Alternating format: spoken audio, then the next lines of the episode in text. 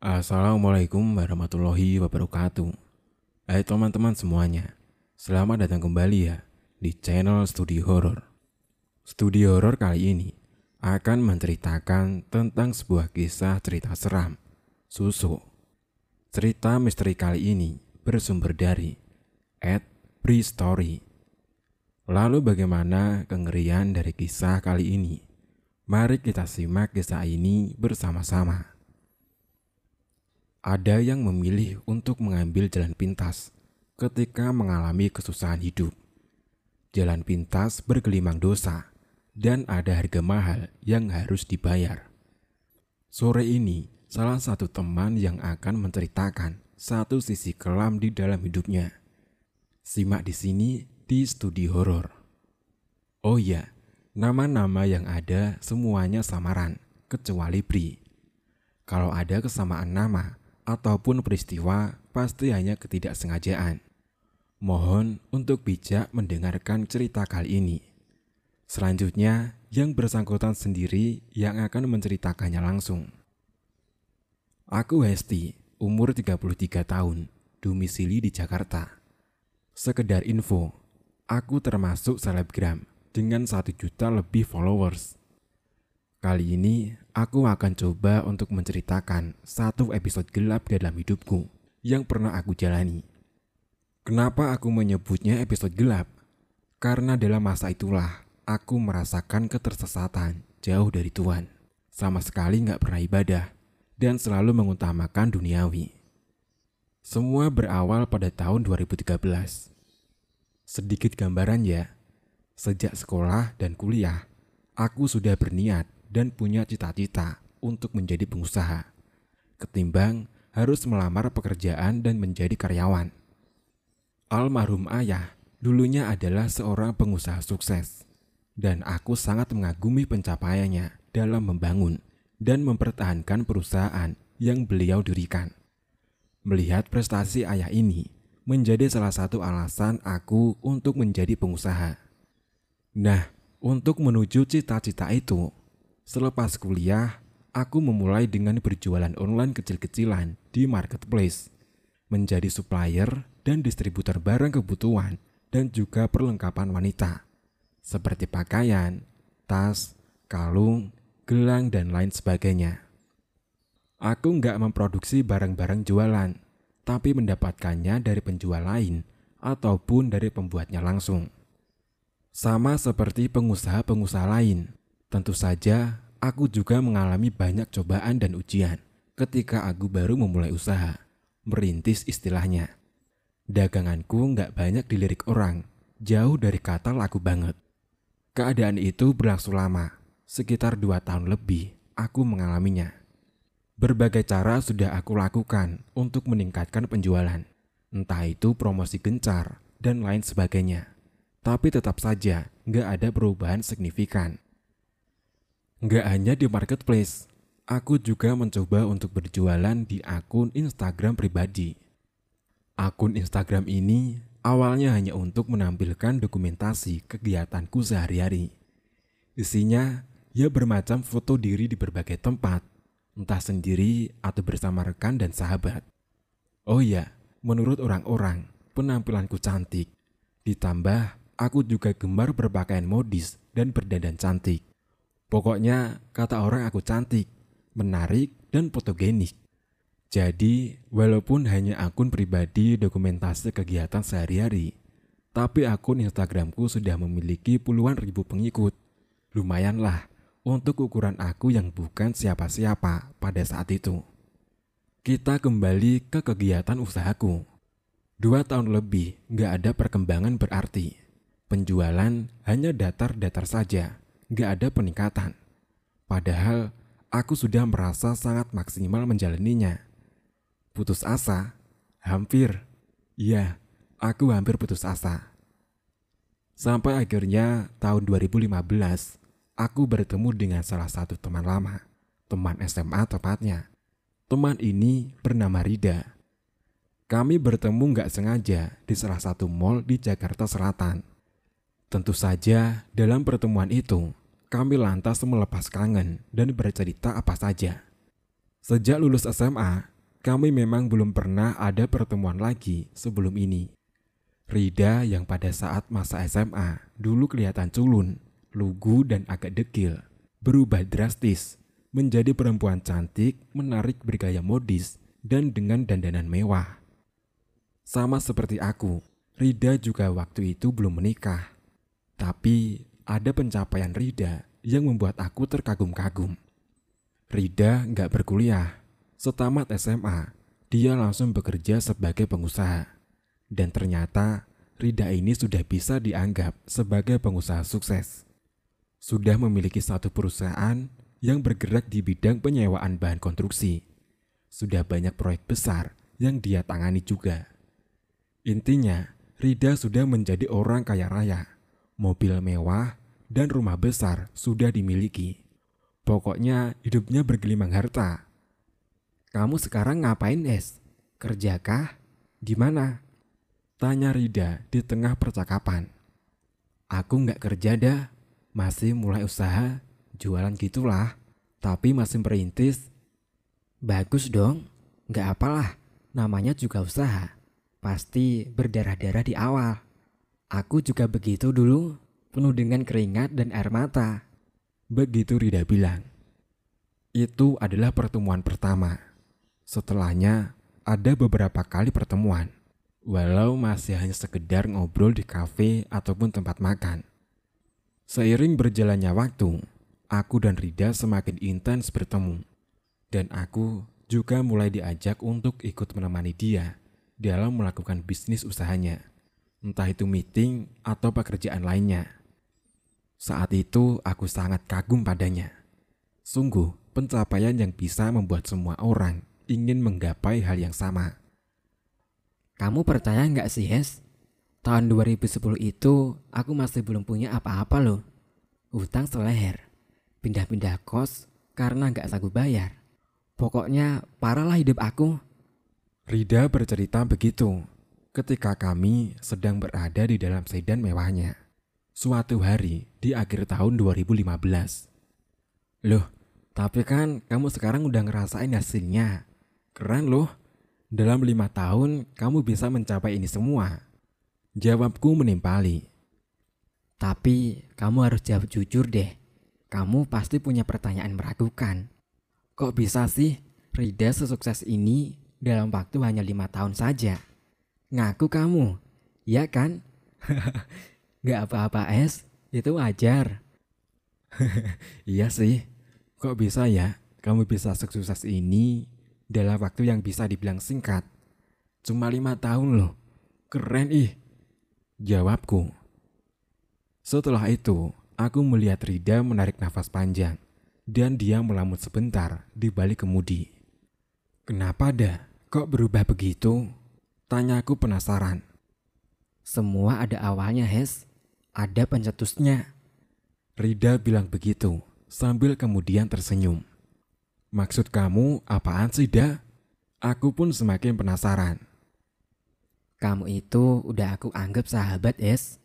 Aku akan cerita gimana caranya sampai aku bisa punya ini semua. Harta berlimpah dan usaha sukses. Tapi aku mohon ya untuk kamu jangan bilang siapa-siapa. Aku juga belum pernah ceritakan hal ini ke siapa pun. Begitu Rida bilang panjang lebar. Intinya Rida ingin menceritakan satu rahasia. Rahasia kesuksesannya. Aku ya jelas penasaran kan? Memang gimana sih caranya? Kenapa sampai harus rahasia-rahasiaan segala? Di hari berikutnya, Rida mengajakku keluar kota. Awalnya aku nggak tahu akan ke mana dan tujuannya apa. Aku pun ikut saja saat itu. Udah, kami ikut aja. Jangan nanya-nanya. Aku mau nunjukin satu tempat. Rida bilang begitu. Ya sudah, aku duduk manis saja di dalam mobil. Singkat cerita, akhirnya aku tahu ke mana tujuan kami, yaitu ke satu tempat di wilayah Banten. Agak pedalaman sih, 5 jam perjalanan dari Jakarta. Sekitar jam 2 siang, kami sampai di tujuan. Rida saat itu memarkirkan kendaraan di depan rumah besar dengan halaman luas. Sebelumnya, kami harus melewati jalan tanah dengan kanan kiri persawahan dan hutan kecil. Cukup berdalaman sih. Ini rumah siapa dah? Tanyaku. Udah, keluar dulu yuk. Jawab Rida mengajakku turun dari mobil. Di luar, aku mengamati sekitar. Kalau diperhatikan, rumah ini adalah rumah yang paling besar yang ada di desa ini. Eh, Nerida, akhirnya datang lagi. Udah lama banget ya, Neng? Seorang bapak keluar dari dalam rumah menyambut kedatangan kami. Rida langsung memperkenalkan aku. Sebut saja Pak Ruhiat, nama sang pemilik rumah besar itu. Beliau berperawakan kurus tinggi, berpakaian serba hitam, kumis tebal yang menghiasi wajah yang juga memiliki sorotan mata tajam. Aku sendiri agak ngeri melihatnya, cukup seram. Lalu kami dipersilakan masuk di ruang tamu yang besar dan dipenuhi perabotan mewah kami saat itu berbincang. Saat itu, aku hanya menjadi pendengar pemerhati, hanya menanggapi sesekali saja. Rida yang saat itu lebih banyak berbincang dengan Pak Ruhiat. Singkatnya, setelah kurang lebih satu jam kami berbincang, akhirnya aku mulai tahu apa sih tujuan Rida ke rumah ini dan siapa sebenarnya Pak Ruhiat ini. Ternyata Pak Ruhiat adalah orang pintar atau paranormal. Begitulah. Walaupun belakangan Rida bersikeras kalau beliau adalah penasihat spiritual dan bukan dukun. Ah, ya sama saja lah. Begitu pikirku dalam hati. Cukup lama kami berbincang, sampai akhirnya saat itu sudah menjelang maghrib. Pak Ruyat saat itu bilang begini. Ya udah, sekarang aja yuk Neng, biar cepat selesai. Maksudnya apa? Mereka mau ngapain? Aku saat itu nggak tahu sama sekali. Sesudah mengiyakan, Rida lalu mengikuti langkah Pak Ruyat untuk masuk ke dalam satu kamar di rumah itu. Mereka masuk kamar nggak hanya berdua, tapi didampingi oleh istri Pak Ruyat yang sepertinya saat itu berperan sebagai asisten. Dan setelah itu, aku nggak tahu apa yang mereka lakukan di dalam kamar. Hanya sebentar sih, sekitar 40 menitan. Dan kemudian saat itu mereka sudah keluar dari kamar. Selesai akhirnya. Lalu lagi-lagi kami berbincang di ruang tamu. Dan pada saat itu, aku masih belum tahu apa yang baru saja mereka kerjakan. Singkatnya, sekitar jam setengah tujuh, kami saat itu pamit pulang. Kami menghindari kemalaman sampai di Jakarta. Dalam perjalanan pulang, Aku saat itu menghujani Rida dengan banyak pertanyaan. Kamu ngapain sih di kamar dah? Perdukunan ya? Tanyaku membuka percakapan. Aku tadi merawat susu Hes. Memperpanjang masa guna lah intinya. Supaya bisa terus mujarab. Jawab Rida. Gila kamu. Kamu masang susu dah. Sarap kamu ya? Nada bicaraku menjadi agak tinggi mendengarnya. Setelah itu, Rida mulai cerita dari awal. Ketika hidupnya dalam masa tersuram lima tahun sebelumnya.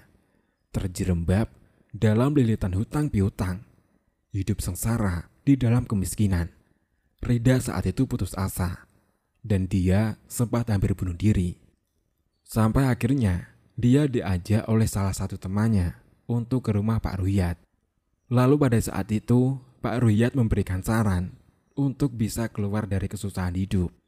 Dia menyarankan untuk memasang susu untuk kesuksesan usahanya. Ini susu dipasang di muka Hes. Fungsinya itu supaya aku kelihatan menarik oleh lawan jenis maupun rekan kerjaku. Entahlah Hes, tapi sejak dipasang susu, hidup aku beranjak membaik. Aku dapat banyak pekerjaan yang sebelumnya saat itu nggak bisa aku dapatkan. Semua orang seperti welcome dan sangat tertarik untuk bekerja sama dengan aku. Semuanya lancar, Hes. Dan sampai akhirnya hutang aku lunas semua. Dan aku menjadi seperti ini, Hes. Menjadi aku yang sekarang ini. Begitu Rida bilang. Jadi, sepertinya susu ini membuat pengaruh besar dalam hidup selama lima tahun sebelumnya. Hingga dia bisa sukses besar seperti ini. Kamu juga kalau mau bisa Hes. Kalau mau sih, biar aku bayarin dulu deh maharnya. Rida bilang begitu ketika aku masih melamun setelah mendengar ceritanya. Enggak dah, makasih. Aku enggak mau. Serem. Aku menjawab begitu awalnya. Hari-hari berikutnya aku menjalaninya dengan normal. Lanjut berusaha membangun bisnis jualanku. Sesekali aku dan Rida juga bertemu, walau hanya sekedar ngopi dan berbincang. Jujur, waktu itu aku masih sangat memikirkan tentang susuk yang digunakan Rida. Susuk dengan semua hasil yang dicapai. Yang pada awalnya aku sama sekali nggak tertarik. Perlahan-lahan pendirianku mulai goyah. Di sini, setan mulai masuk ke dalam hati. Aku tergoda, ingin memiliki semua hal yang dipunya Rida. Hingga pada suatu hari, aku saat itu menelpon Rida. Dah, aku mau deh kayak kamu. Aku mau pasang susu juga deh. oke oke, Kamis ini kita berangkat ya. Begitu Rida bilang. Ya sudah, sesuai rencana. Pada suatu Kamis, kami datang berkunjung ke rumah Pak Ruyat lagi. Pak, Esti akhirnya mau juga nih dipasang. Begitu Rida bilang. Ya udah atuh Neng, nggak apa-apa. Biar sukses kayak Rida kan. Jadi pengusaha besar di Jakarta. Timpal Pak Ruyat. Lagi-lagi singkat cerita, akhirnya aku mengikuti proses dan ritualnya. Aku bersama Pak Rukiat dan istrinya saat itu aku dibawa masuk ke dalam salah satu kamar di rumah besar itu. Kamar ini sungguh agak menyeramkan. Bau kemenyan menyegak pernafasan. Gak ada ventilasinya sama sekali. Juga gak ada cahaya yang masuk. Penerangannya itu hanya bersumber dari benda seperti lilin yang bentuknya aneh. Neng, nanti Neng gak akan merasakan apa-apa. Tenang aja ya Neng, prosesnya gak akan lama kok. Begitu Pak Ruyat bilang. Benar, beberapa belas detik setelah itu, aku nggak ingat apa-apa lagi. Seperti tidur atau pingsan. Entahlah, aku nggak begitu tahu saat itu. Aku tersadar ketika wajahku sedang diusap oleh tangan Pak Ruyat. Tangannya saat itu dingin karena masih basah dengan air. Neng, bangun Neng, udah selesai. Begitu Pak Ruyat bilang sambil dia tersenyum. Udah selesai, kok nggak terasa apa-apa ya? Banyak pertanyaan saat itu yang ada di kepalaku. Kami bertiga lalu keluar kamar, menuju ruang tamu, di mana Rida sedang menunggu. Di situ kami lagi-lagi berbincang. Dipasangnya satu dulu ya Neng, kita coba dulu. Manjur nggak pakai susu yang ini? Pak Ruhiat membuka percakapan. Nanti Neng ke sini lagi ya, kasih tahu hasilnya. Istri Pak Ruyat menimpali. Aku saat itu mengangguk-angguk. Dan saat itu aku nggak tahu susuknya itu ditanam di mana. Yang pasti di wajah. Tapi aku nggak tahu juga ya letak pastinya di mana.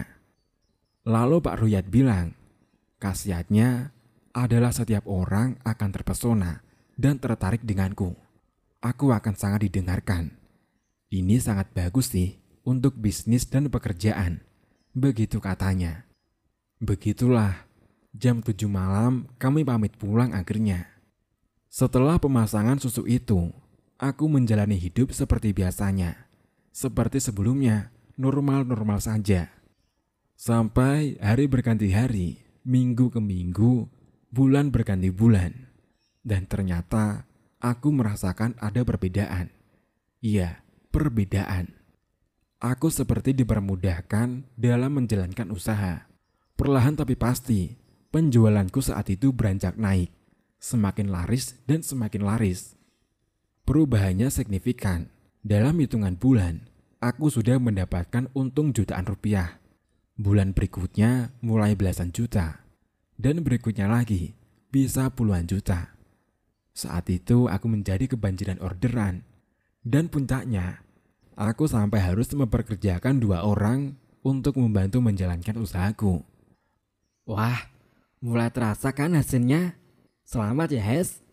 Kata Rida pada suatu ketika. Melihat keberhasilan ini, aku semakin tergoda untuk mendapatkan yang lebih lagi. Aku ingin lebih kaya raya. Pada saat itu, aku mengikuti nafsu sesat.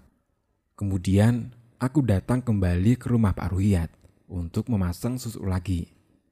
Berikutnya, kira-kira tiga bulan sekali, aku datang mengunjungi Pak Ruhiyat. Entah itu bersama Rida atau sendirian, dan aku semakin terjerumus saja. Bisa ditebak, selanjutnya hidupku bergelimang harta. Semua usahaku seperti ada yang melancarkan. Selain berjualan yang sukses, percaya nggak percaya, ternyata akun Instagramku juga mengalami peningkatan. Awal 2018, pengikutku saat itu sudah mencapai hampir satu juta. Dengan pengikut sebanyak itu, aku mulai terkenal. Ya, aku menjadi selebgram lah. Dengan banyaknya pengikut, aku menjadi kebanjiran orderan endorse. Dan dari Instagram ini saja, penghasilanku sudah sangat lumayan waktu itu. Pokoknya, sejak akhir 2017 sampai pertengahan 2018, hidupku saat itu bergelimang harta dan ketenaran. Tapi walaupun begitu, perlahan di dalam lubuk hatiku aku merasa ada gundah, seperti ada yang mengekang. Hidupku seperti berutang, aku pun merasakan hampa terbelenggu dosa. Aku terus saja berusaha untuk abaikan semuanya, mencoba untuk menikmati harta dan kesuksesan. Tapi ternyata aku nggak bisa. Aku mulai merasa bersalah, semakin bersalah dan bersalah. Gak apa-apa, Hes. Nanti juga lama-kelamaan perasaan itu akan hilang kok. Begitu jawab Rida ketika aku bertanya perihal perasaanku yang gak enak itu. Ya sudah, aku mencoba terus jalani, memaksakan diri untuk menikmati semuanya. Sampai ketika petaka itu datang. Menjelang akhir tahun 2018, Rida meninggal dunia. Dia mengalami kecelakaan tunggal di luar kota. Aku lemas mendengar berita itu. Aku shock, bersedih dan menangis kehilangan sahabat secara tiba-tiba. Sepeninggal Rida, aku belum sempat lagi mengunjungi Pak. Dengan berbagai macam alasan, aku saat itu nggak pernah sempat untuk ke rumahnya. Waktu terus bergulir, sampai ketika di awal tahun 2019, aku saat itu mulai merasakan ada keanehan di badanku. Awalnya hanya meriang ringan, beberapa kali juga aku saat itu menggigil kedinginan. Hanya seperti itu awalnya. Tapi berikutnya, aku mulai merasakan yang lain. Badanku saat itu sering demam tanpa adanya sebab. Kepanasan dan gerah, lalu tiba-tiba badanku menggigil. Begitu terus saja. Semakin rutin akhirnya, dan sering juga kepalaku sakit sekali. Wajahku menjadi panas tiba-tiba. Aku saat itu mulai tersiksa di saat itulah aku menjadi kepikiran dengan Pak Rukiat. Aku yakin dia bisa menolongku. Tapi sialnya, pesan singkatku saat itu nggak dibalas. Ketika saat itu aku mencoba menelpon dan ternyata nomor ponselnya sudah nggak aktif lagi. Kemudian pada suatu hari, aku berniat untuk mendatanginya saja di rumahnya. Tapi alangkah terkejutnya aku Ketika pada saat itu sampai di rumah Pak Rukiat, aku mendapatkan berita mengagetkan. Ternyata rumah itu sudah bukan milik Pak Rukiat lagi. Dan menurut tetangganya, akhir tahun 2019, Pak Rukiat meninggal mendadak. Entah karena apa. Sepeninggal Pak Rukiat, istrinya langsung menjual rumah itu dan pindah entah ke mana. Aku saat itu bingung bukan kepalang ke mana aku harus pergi untuk menyembuhkan diriku. Di dalam kendaraan pada saat perjalanan pulang, aku saat itu menangis sejadi-jadinya, menyesal sedalam-dalamnya, dan pikiranku buntu. Aku nggak tahu apa yang harus dilakukan. Berikutnya, aku makin tersiksa. Sakit semakin menjadi-jadi. Aku semakin gak tahan. Sakit tak terkirakan. Pekerjaanku mulai terbengkalai dan hidupku mulai berantakan. Tubuhku semakin kurus, kusam dan gak bercahaya. Aku saat itu jatuh sakit. Hari-hari aku habiskan menahan sakit sambil terus menangis. Tuhan, aku nggak tahan lagi. Sampai ketika ada satu teman yang berniat baik untuk menolong. Dewi namanya. Hes, aku pernah lihat di TV. Ada orang yang bisa menyembuhkan dan mencabut susuk. Mungkin kamu bisa coba hubungi dia. Begitu katanya. Jadi saat itu Dewi bilang, dia pernah menonton satu acara di TV nasional. Acara itu menampilkan beberapa paranormal. Salah satu paranormal, sebut saja namanya Mas Wawan. Dewi menyarankan untuk aku menemuinya. Ya sudahlah, aku belum ada pilihan lagi saat itu. Kemudian berniat untuk menemuinya. Setelah dengan berbagai cara mencari info, akhirnya aku mendapatkan nomor kontak Mas Wawan. Setelah itu, aku berbincang melalui telepon, sedikit membicarakan keluhanku. Dan hasilnya, Mas Wawan saat itu mempersilahkan untuk aku datang menemuinya di rumahnya, di pinggir timur Jakarta. Karena aku sudah nggak tahan dengan siksaan ini, akhirnya aku buru-buru datang menemuinya. Pada suatu siang di hari Sabtu, kami akhirnya bertemu. Di dalam rumah Mas Wawan, di ruang tengah, Aku saat itu kembali bercerita semuanya. Dari awal aku pasang susu, sampai aku merasakan siksaan sakitnya. Oh iya, waktu itu ternyata bukan hanya Mas Wawan yang aku temui. Ada satu orang lagi. Ternyata ada Mas Bri juga. Iya, Mas Bri yang kita kenal ini. Mas Bri ternyata teman dari Mas Wawan. Di saat itulah pertama kalinya aku bertemu dengan Mas Bri. Oh begitu, insya Allah kami akan coba membantu. Tapi nanti setelah ini, Mbak Esti harus mulai tobat ya, jangan diulang lagi. Begitu Mas Mawan bilang. Aku pada saat itu mengiyakan, karena aku sudah nggak tahan lagi. Aku ingin sembuh. Nanti Mas Bri yang bakal ambil susuknya ya. Dia juga bisa kok. Lanjut Mas Wawan. Setelah Mas Wawan bilang begitu, aku melihat Mas Bri seperti kebingungan. Entah kenapa aku sendiri nggak tahu. Mas Wawan lalu pergi ke bagian belakang rumahnya untuk mengambil sesuatu. Meninggalkan aku dengan Mas Bri di ruang tamu. Tapi nggak lama, dan setelah itu, Mas Wawan muncul kembali dengan dia membawa nampan lebar keperakan. Ayo, kita mulai ya, Mas Wawang bilang begitu setelah sudah kembali duduk. Berikutnya dipandu oleh Mas Wawan. Kami mulai membaca doa. Cukup lama, sekitar 10 menitan. Dalam proses berdoa ini, aku merasakan kalau wajah berangsur terasa hangat, cenderung panas. Mas, mukaku panas, aku nggak tahan mas. Aku bilang begitu, sambil nyaris menangis. Ya sudah, kita mulai cabut ya. Mas Bri, silahkan mas. Kata Mas Wawan. Lagi-lagi, Mas Bri seperti kebingungan. Aku saat itu melihatnya begitu. Gak apa-apa Mas Bri. Ayo, tunjukkan saja di mana letak susunya. Lalu ambillah. Mas Wawan lalu melanjutkan omongannya. Kemudian, perlahan-lahan Mas Bri mulai mengangkat tangannya. Lalu pada saat itu, Jari telunjuknya mulai menyentuh wajahku. Tepat di bagian bawah bibir di atas dagu. Jari telunjuk Mas Bri terasa dingin. Kemudian perlahan-lahan aku merasa sedikit sakit. Rasanya itu seperti bisul atau jerawat tepat di wajah yang mau pecah. Beberapa detik kemudian, begitu bunyinya. Ya, ternyata ada logam kecil yang keluar dari wajahku lalu pada saat itu jatuh di atas nampan keperakan yang sudah disiapkan Mas Wawan sebelumnya. Langsung saja pada saat itu aku melirik ke atas nampan. Ternyata di situ sudah ada jarum berwarna keemasan, sangat kecil bentukannya. Masih ada Mas Bri? Tanya Mas Wawan. Masih Mas, jawab Mas Bri pendek. Kemudian jari telunjuk Mas Bri mulai bergerak lagi. Kali ini, jari Mas Bri menempel di pipi kananku. tepatnya di bawah mata. Lagi-lagi, aku merasakan hal yang sama dengan proses pertama. Dan lagi-lagi, ada benda keluar dari wajahku yang pada saat itu disentuh oleh jari telunjuk Mas Bri. Kali ini, benda yang jatuh bentuknya seperti batu permata yang sangat kecil.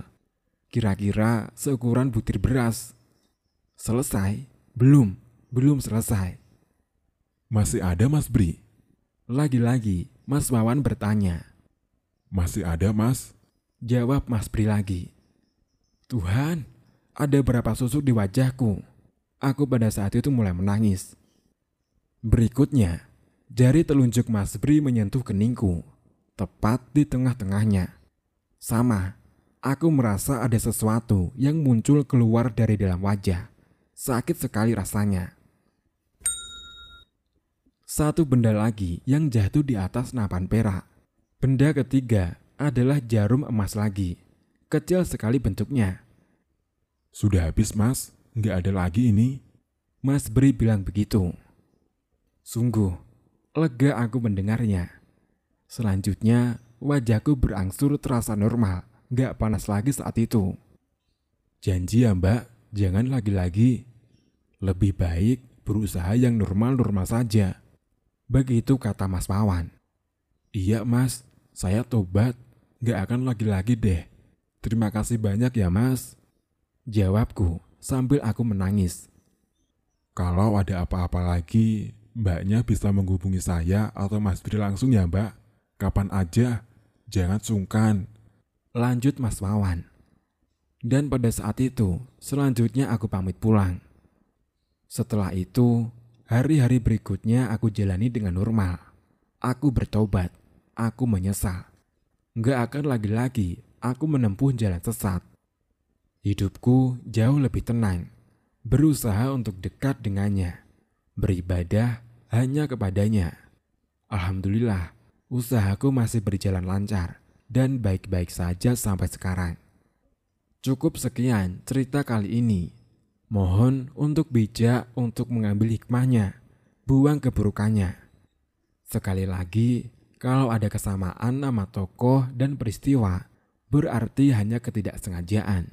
Sampai jumpa di hari berikutnya. Tetap sehat ya.